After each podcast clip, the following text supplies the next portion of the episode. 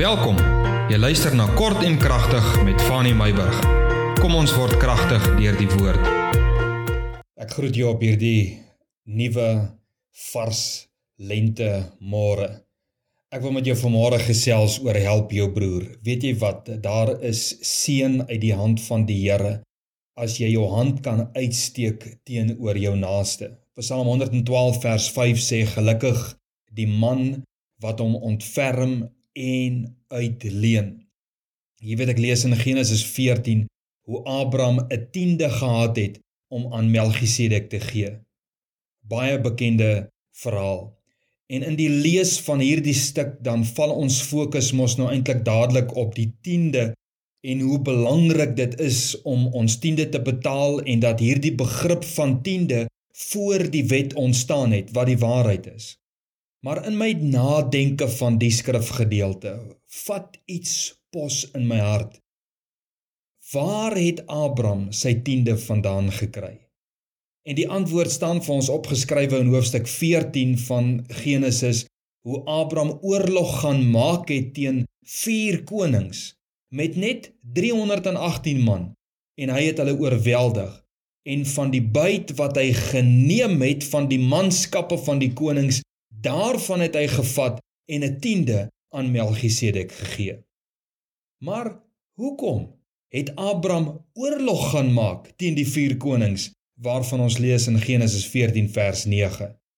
Want hierdie konings het Lot, sy broerskind, met sy gesin en al sy besittings weggevoer en Abraham, toe hy dit hoor, het hy hierdie 318 manne bymekaar gemaak en hy het sy broerskind gaan verlos. So waarvandaan kom die vraag weer, waarvandaan het Abraham se tiende dan gekom? Hy het 'n tiende gehad om aan die man van God te bring omdat hy sy broerskind gaan help het. Ek sê weer, daar lê seën daarin om jou broer te help. Jy weet daar lê 'n groot waarde daaraan om jou broer se nood te sien, maar ook om uit te strek na jou broer se nood toe. Sy broerskind nê nee, in hierdie verhaal kon nie vir Abraham eers laat roep het en vir hulp gevra het nie. Nee, Abraham het net van Lot se elende gehoor, toe spring hy in aksie. Jy weet sy broerskind lees ek het hom ook nie na die tyd vergoed vir hierdie weldaad wat Abraham aan hom gedoen het nie. Maar die handeling om jou broer te help in sy nood is vir jou brood op die water. Dit is hoekom Jesus sê moenie dat jou linkerhand weet wat jou regterhand doen nie. Met ander woorde, moenie laat jou linkerhand jou regterhand inlig oor die goeie daad wat hy aan die ander een verrig het nie. Die rede is baie eenvoudig. As jy jou broer se vyande help verslaan, vergoed God jou uit die byt van sy vyande. Met ander woorde, God sal jou vergoed vir die weldaad wat jy doen aan iemand anders. Dit is hoekom Jesus sê, jy hoef nie vir ander te wys al die weldade wat jy doen vir die wat in nood is nie, want God is die een wat jou sal vergoed. Maar weet jy wat is die mooiste van hierdie verhaal? Eintlik die volgende mooi deel van die verhaal. Abraham het deur dit te doen iets gehad om te kon saai of weer terug te gee aan die Here.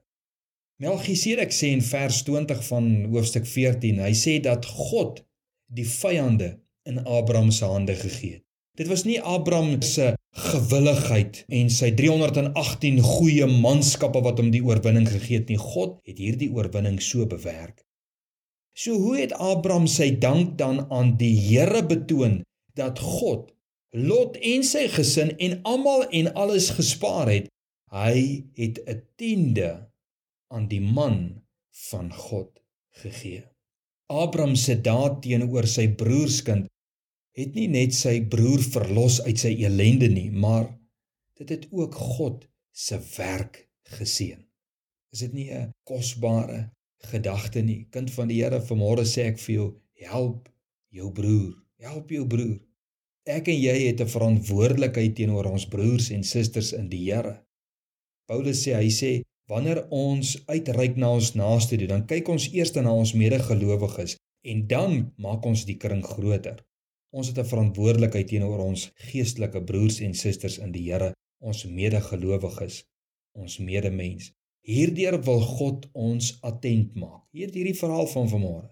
Wil God ons attent maak daarop dat ons weldaad van naaste liefde deur God raak gesien en so ook beloon word met die gedagte dat ons ook terug sal gee aan God vir die weldaad wat hy aan ons gedoen het. Is dit nie 'n kosbare gedagte nie? Toe mag die Here jou seën en mag jy 'n wonderlike en 'n geseënde dag hê wat vir jou voorlê. Môre gesels ons verder met die kosbare woord van die Here.